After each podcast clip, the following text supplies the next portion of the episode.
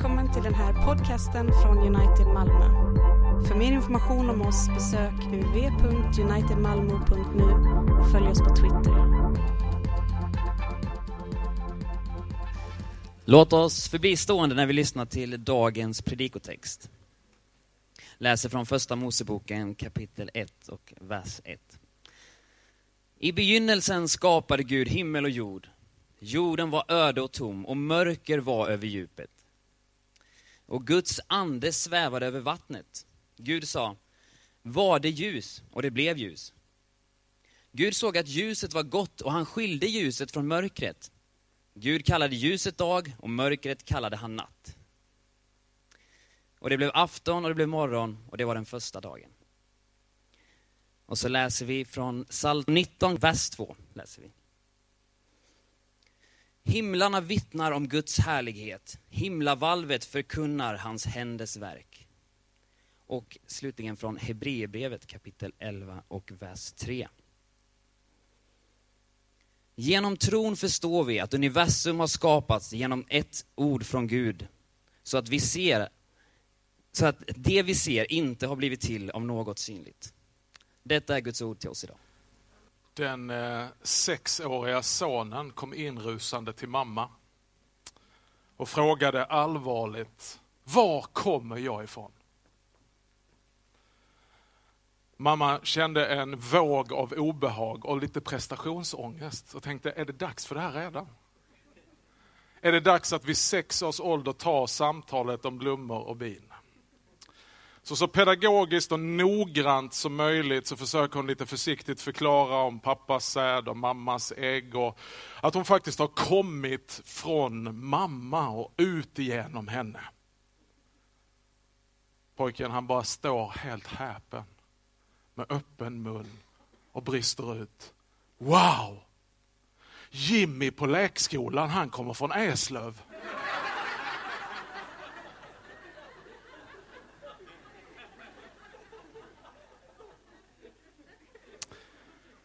Lite så är det med oss när vi kommer till de här texterna i första Mosebok 1 om skapelsen. Vi får ungefär samma prestationsångest och obehag som mamma får och tänker att nu gäller det att förklara in i detalj och läsa mellan raderna för att kunna liksom få in vetenskapen i detta och verkligen försvara var vi kommer ifrån. Medan de ursprungliga läsarna och författarna, de tänkte mer som den lilla pojken. Kommer vi från Eslöv eller kommer vi från Vellinge? Alltså, klödda inte till det. Ibland så försöker vi få dessa texter och tvinga dessa texter att svara på frågor som bara vi har, men som inte de ursprungliga läsarna hade.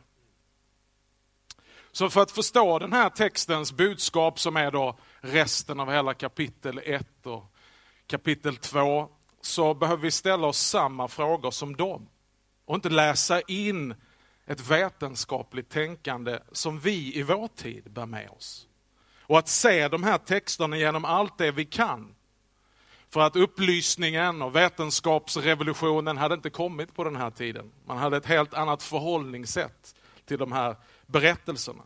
Och därför så är de också skrivna på ett sätt så att de står igenom alla tider från generation till generation. De är skrivna på ett sånt sätt så att en liten, ett litet barn kan förstå dem och samtidigt så ska det fascinera en bibelforskare. Vi måste förstå att när vi kommer till de här texterna så kommer vi till dem utifrån teologiska skäl. Inte biologiska skäl eller vetenskapliga skäl.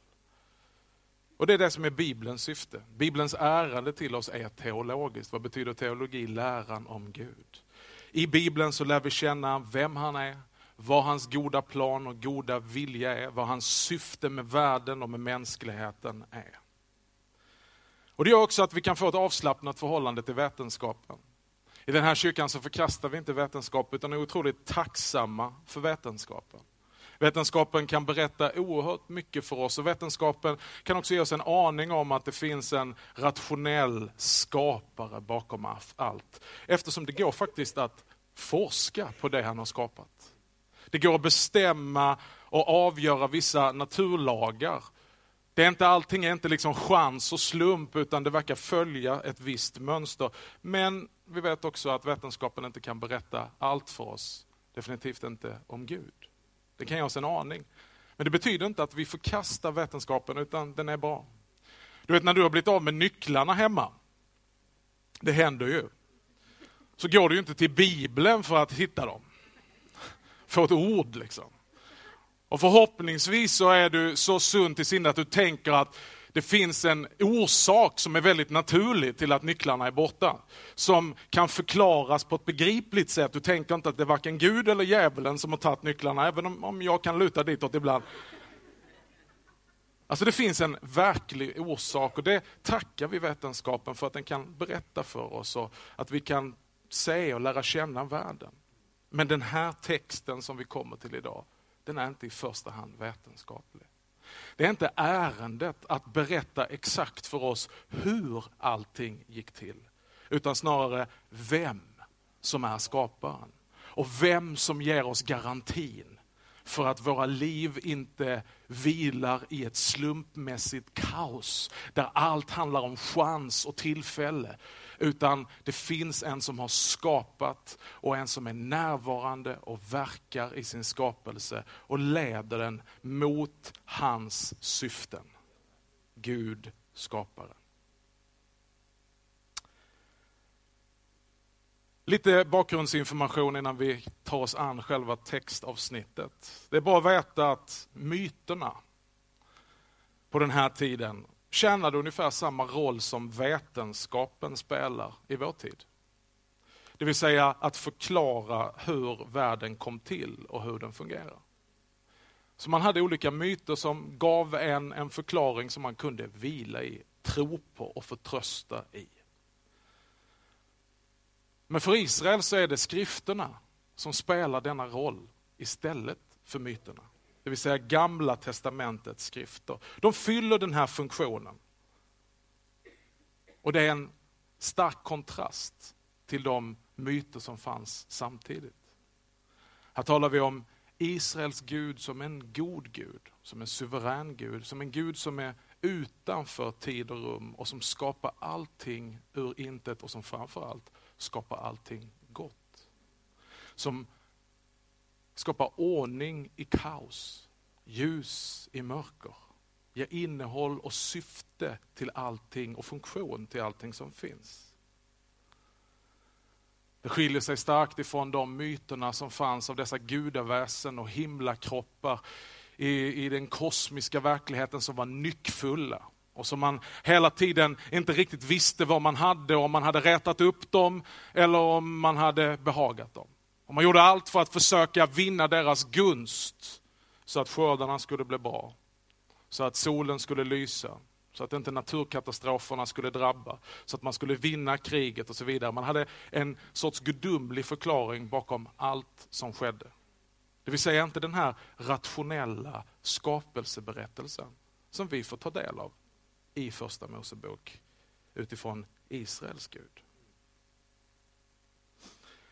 Det som kan vara bra också att veta är att när vi tänker skapelse, då tänker vi på tingens skapelse. Vi tänker på materia och vi tänker på strukturen. Hur, hur blir detta? Vi tänker orsak och verkan. Men när den här tidens människor tänker skapelse, så tänker de mer av skapelse av verkligheten. Inte vilken typ av materia och vad som kom först och vad som kom sen och hur det kom till, utan mycket mer funktion. Varför är det till? Och vad är syftet? Om vi tänker efter och är ärliga, så djupast sett så är det precis så vi egentligen också tänker. Om vi tar bort det här vetenskapliga rastret som vi har över oss, så är detta precis samma existentiella frågor som du och jag bär på än idag. Varför finns allting till? Inte exakt vilken materia, vad som kom först och vad som kom sen, hur lång tid det tog. Tog det sex dagar, sex tusen år, sex miljoner år, sex biljoner år? Det är inte riktigt de frågorna, tror jag, vi umgås med varje dag. Utan det är snarare de här frågorna. Vem regerar över den här världen? Är det någon som har kontroll? Hur fungerar det? Hur är man människa? Och vad är syftet? Är det så här, verkligen, är det så här världen verkligen ska vara? Hur var det tänkt från början? Vad är det som har gått fel? Och vem kan ställa det till rätta? Det är varje människas djupast existentiella frågor. Teologen Don Carson han säger att mot detta så kan vi ha tre olika världsbilder. Han sammanfattar det på ett sätt och talar om det öppna universum, det stängda universum och det kontrollerade universum. Ett öppet universum, ja det är lite så som antikens folk ser universum och världen. Det vill säga att det kontrolleras av nyckfulla gudar och naturväsen. Ingenting är förutsägbart eller rationellt. Vad som helst kan hända när som helst. Allt som sker, det tillskrivs någon form av gudomlig aktivitet. Segrar, nederlag, regn, sol, dålig skörd, bra skörd och så vidare. Och människan är alltså utlämnad i dessa gudaväsens händer och lite utlämnad till deras humör. Därför går hela livet ut på att blidka och behaga dessa nyckfulla gudar. Det här är ett irrationellt universum, helt öppet och vetenskapen kan inte förstå sig på ett sådant universum. Motsatsen till det är ett stängt universum. Ett stängt universum det kontrolleras av en fast och rationell struktur som följer ett, ett exakt och förväntat mönster av orsak och verkan. Tryggt.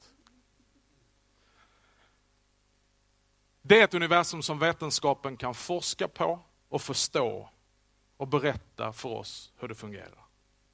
Det kan vara skapat av Gud, men det är stängt nu. Det vill säga, Gud kan inte fortsatt verka, röra sig och ingripa i det universet, utan det är ungefär som en klocka. När den en gång är gjord så är den lämnad till sitt eget öde och bara följer mekaniken och strukturen. Det är ett stängt universum. I ett sådant universum finns det inget utrymme för det övernaturliga och det oförklarliga. Det tredje alternativet vi har det är ett kontrollerat universum. Det kontrollerade universet det är också skapat med ordning och struktur som går att förstå och som går att forska på.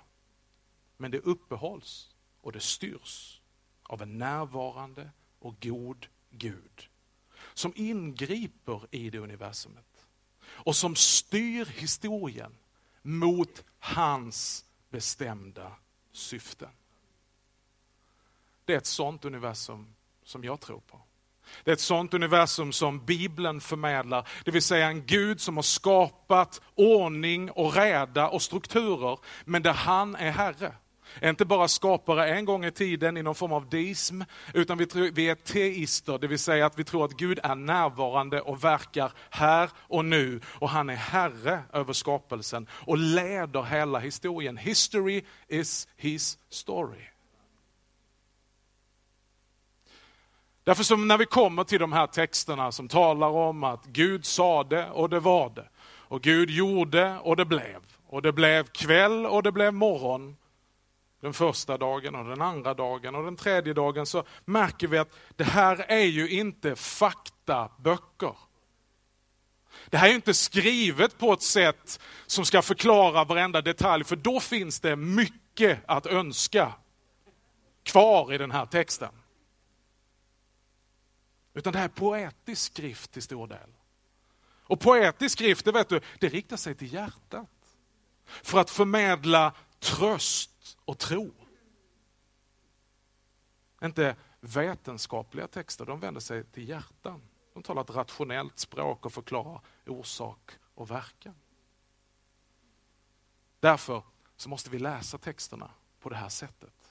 Inte komma med vetenskapens glasögon och försöka, för vi är ju lite ängsliga. Vi är lite som den här mamman, vi måste få in alltihopa här nu och förklara det som värsta fundamentalisterna. Att jo, det gick till på det här sättet.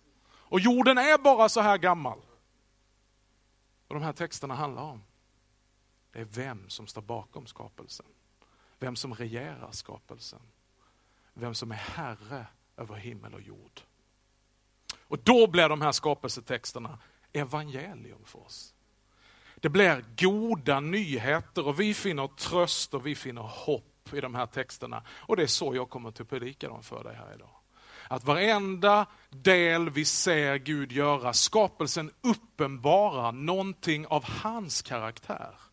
För det är ju helt tydligt att den här skapelseberättelsen, den är inte centrerad runt skapelsen. Den är centrerad runt skaparen. Det finns 31 versar i det här första kapitlet. Gud, Elohim, nämns 35 gånger. Gud säger, Gud gör, Gud formar, Gud välsignar.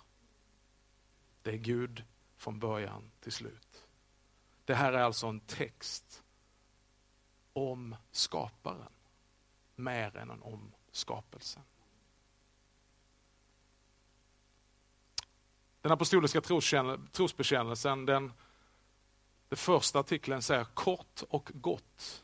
Vi tror på Gud Fader, allsmäktig skapare av himmel och jord. Punkt. Den börjar där. Den går inte in på detaljer om hur han har skapat, när han har skapat, utan det är vad vi tror på.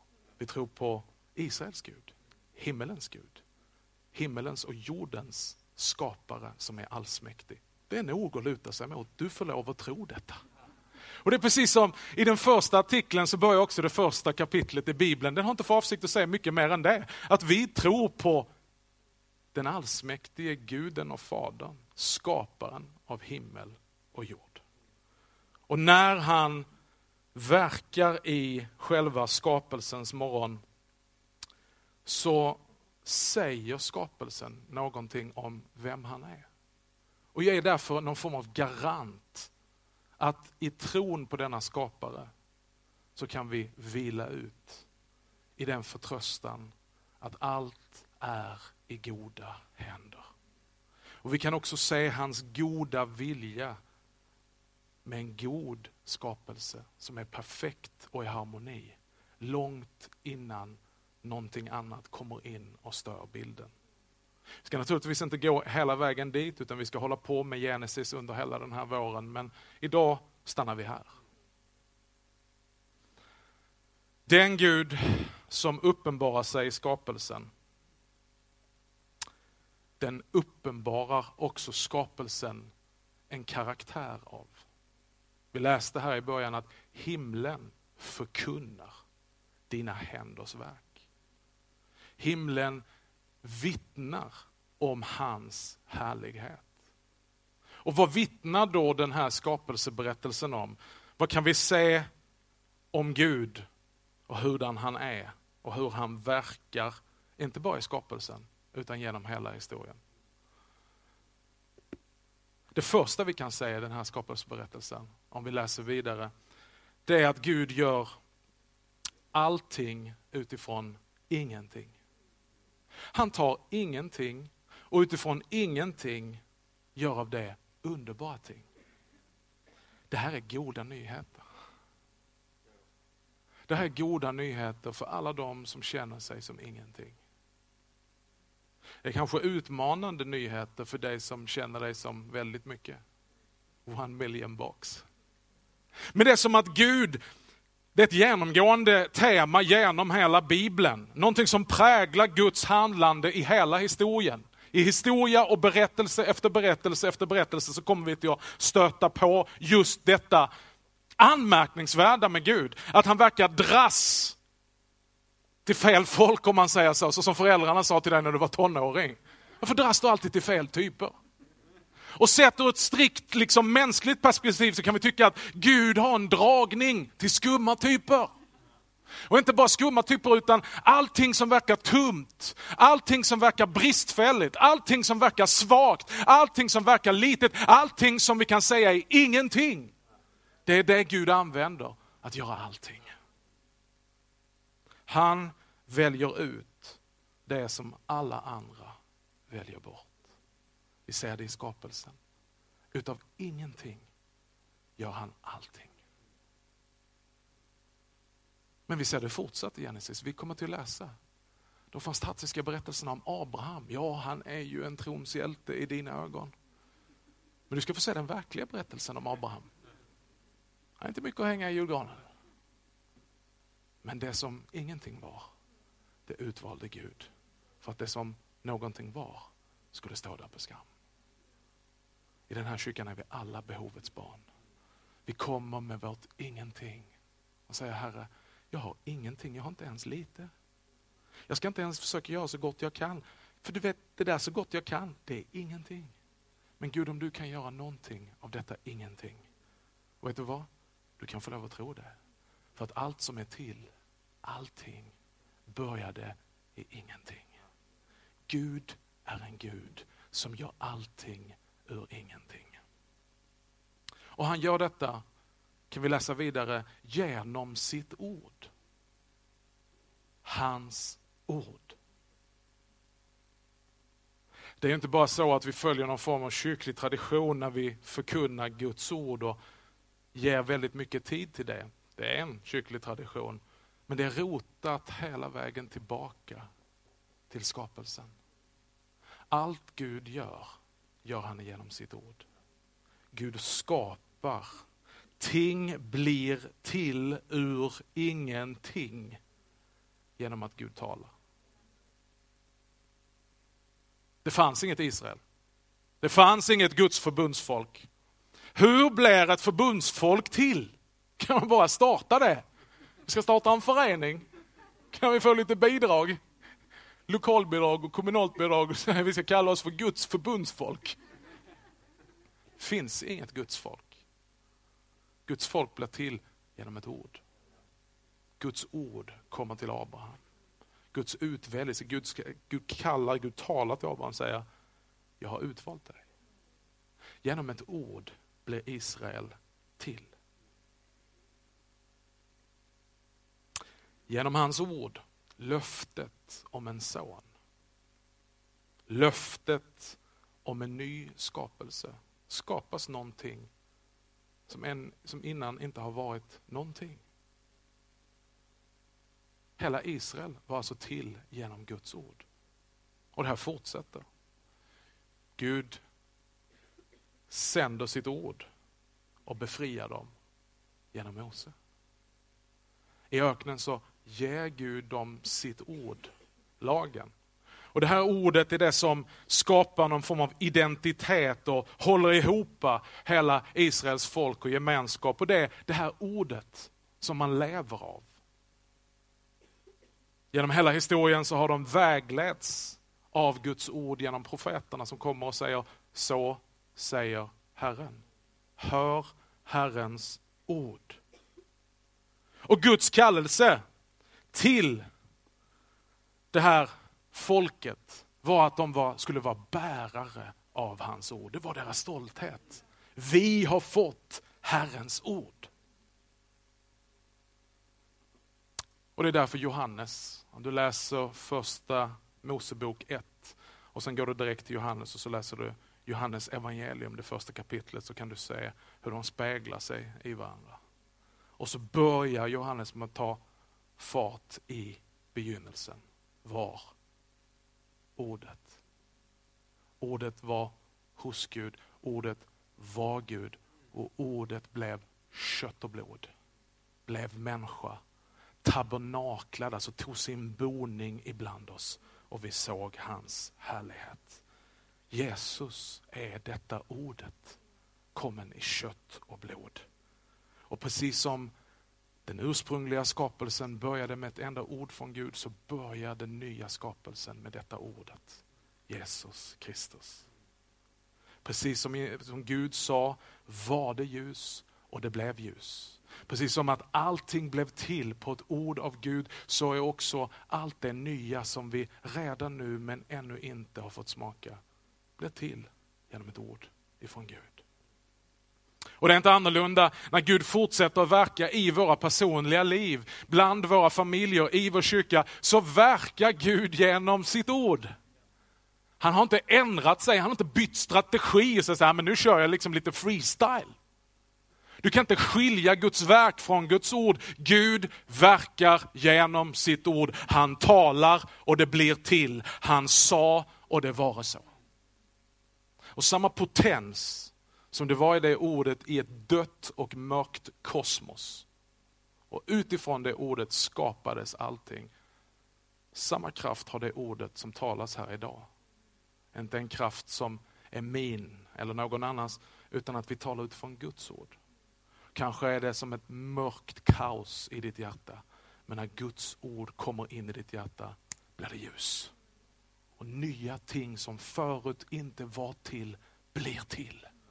Du kanske kom in i den här lokalen som en otroende eller som en tvivlare. Och helt plötsligt finner du dig och säger, det som inte innan var till, det har nu blivit till. Jag kan inte ta kredit för det, utan det är Guds levande och verksamma ord. Sådan är han. Vi ser mer konturer i skapelsen om du ger mig fem minuter till.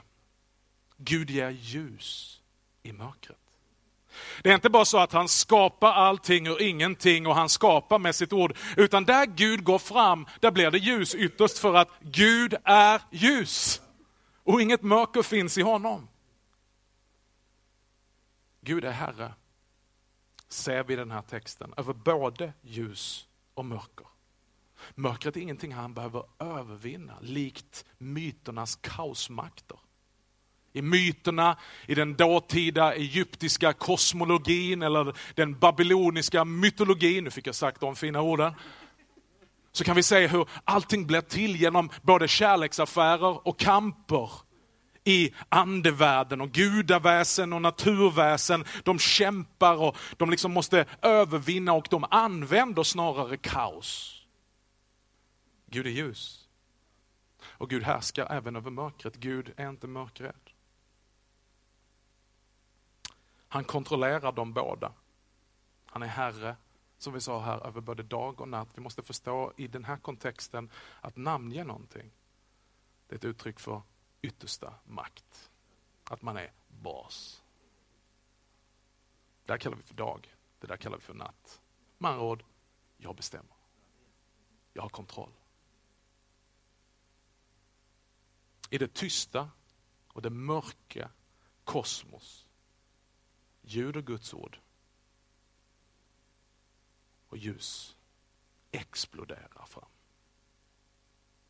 Skapelsens första ljus, om du läser de här texterna noggrant, kommer inte från någon annan ljuskälla.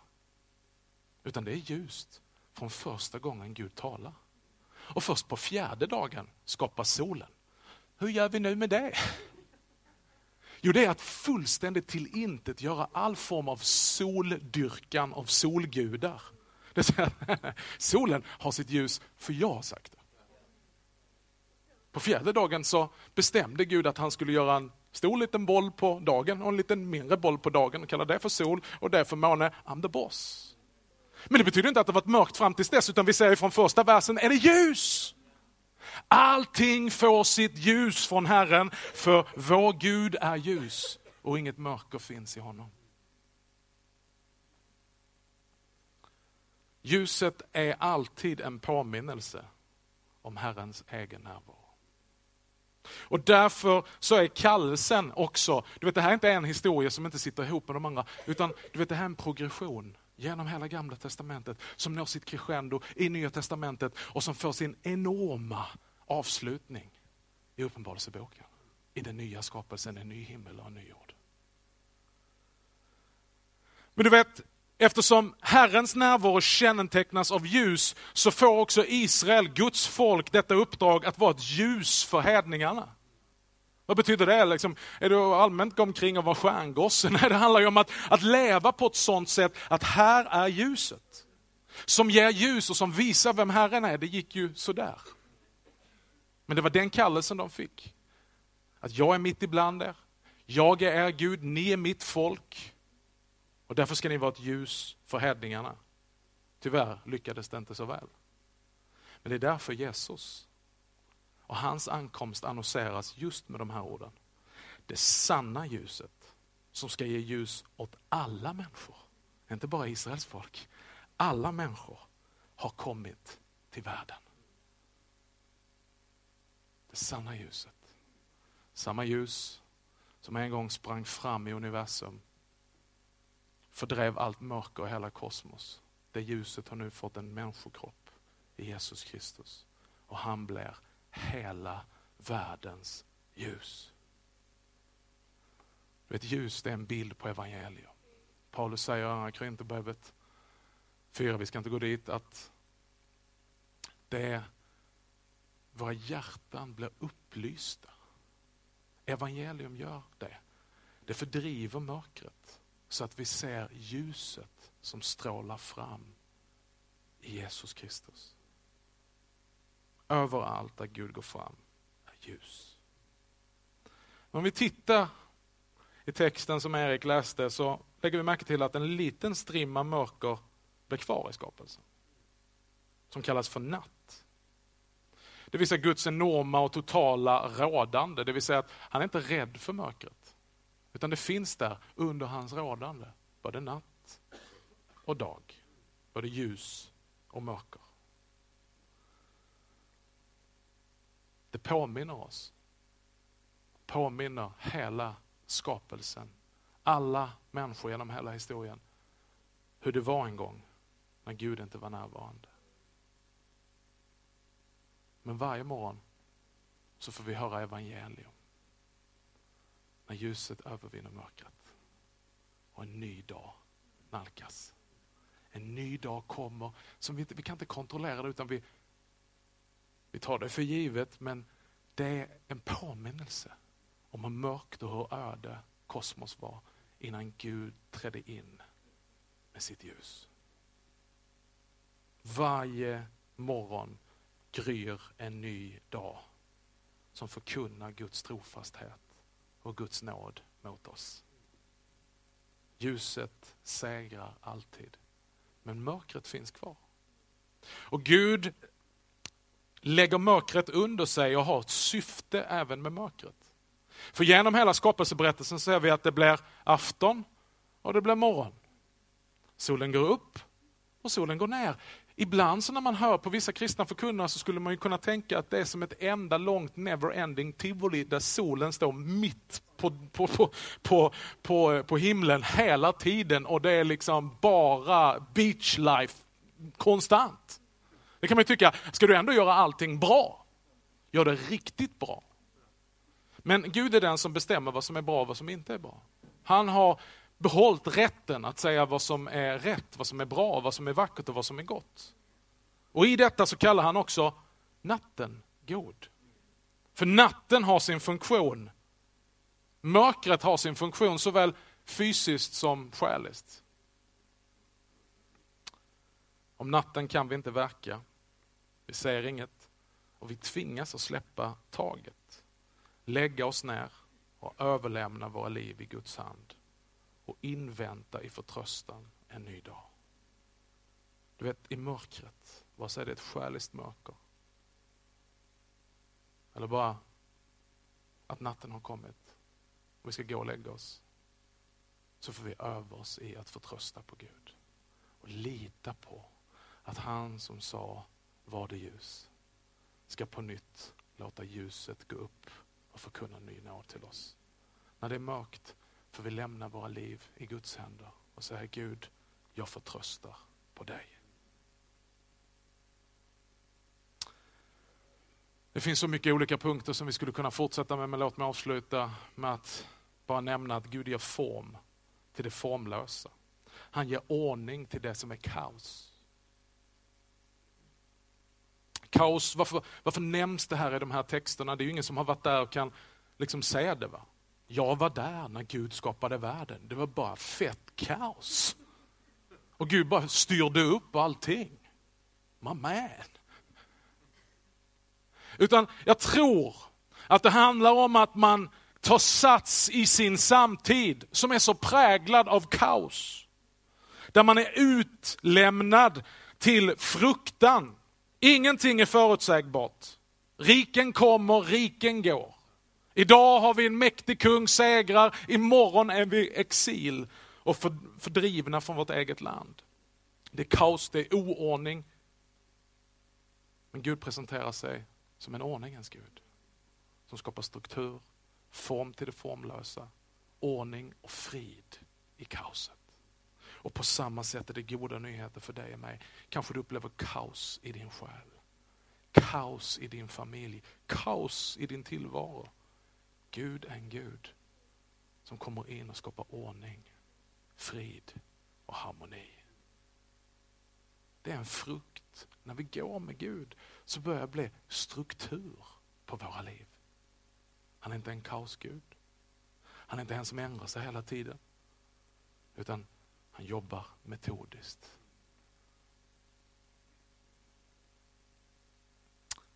Vi kan också säga att han är Herre över allt som är djupen, vattnet. Något av det första Gud gör är att han tar kontroll över dessa vattenmassor och delar upp dem. Varför är det viktigt för oss? Varför är det viktigt för dem?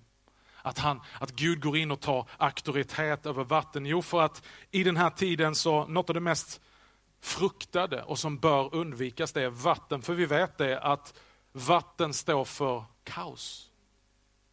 Vatten, det är liksom, man har någon form av eh, eh, eh, eh, mystiskt förhållande till vatten och där i djupen så finns massa saker som är farliga. Där finns mörker, där finns avgrunden. Man håller sig borta ifrån vattnet men gång på gång så visar Gud att han är Herre över vattnen och över haven.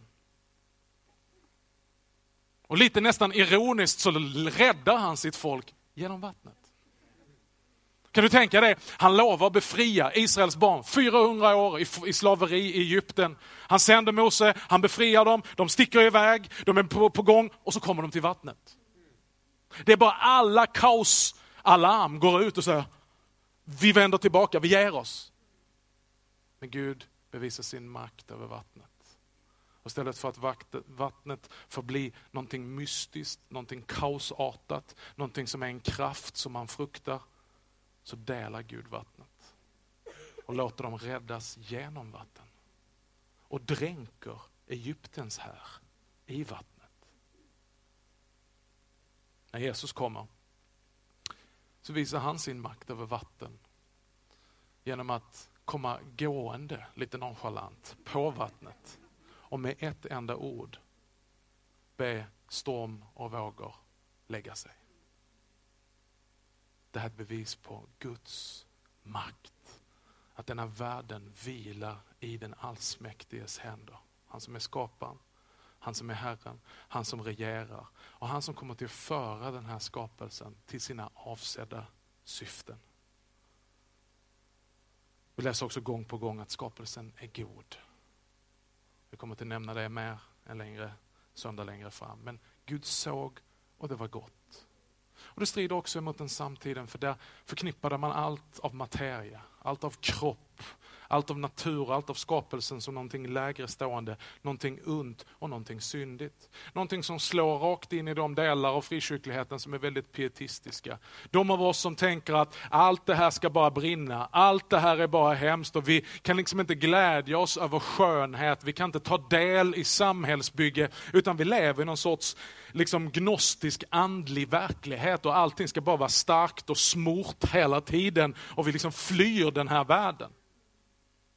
Och vi tänker att när Jesus kommer hit så ska han tillintetgöra den här världen och befria oss från detta helvete. Men du vet när Jesus kommer så ska han inte tillintetgöra den här världen, han ska upprätta den. För detta är Guds skapelse. Därför så bör du och jag ha en god syn på skapelsen och förstå och delta i Guds upprättelse av denna skapelse? Är det någon som bör ge sig hän och ta del i av att vårda skapelsen, bygga kultur, engagera sig i samhällsinstitutioner, så borde det vara kristna. Eftersom detta är gott, Guds goda verk. I skapelsen kan vi se Guds omsorg och försyn om allt levande. Där finns allt alla behöver.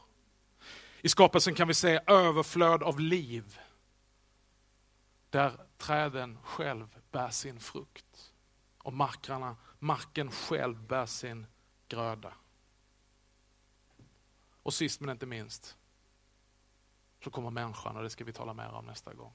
Men det är intressant. När allting är färdigt, då skapar Gud människan till sin avbild. Det finns ingenting kvar att göra. Det finns ingenting kvar att som de behöver, han behöver hjälp med. Allt är färdigt.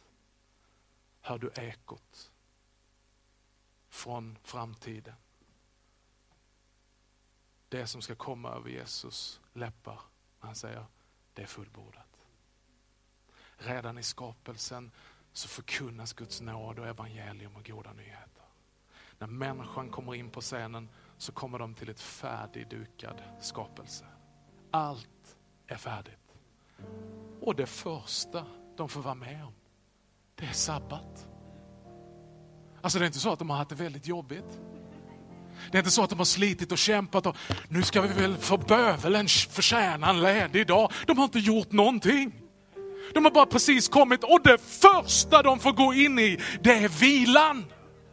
Detta mina vänner, det är evangeliets budskap från vår allsmäktige skapare och Gud som ekar när Jesus förkunnar. Kom till mig alla ni som kämpar och bär på tunga bördor så ska jag skänka er vila och ni ska finna ro för era själar.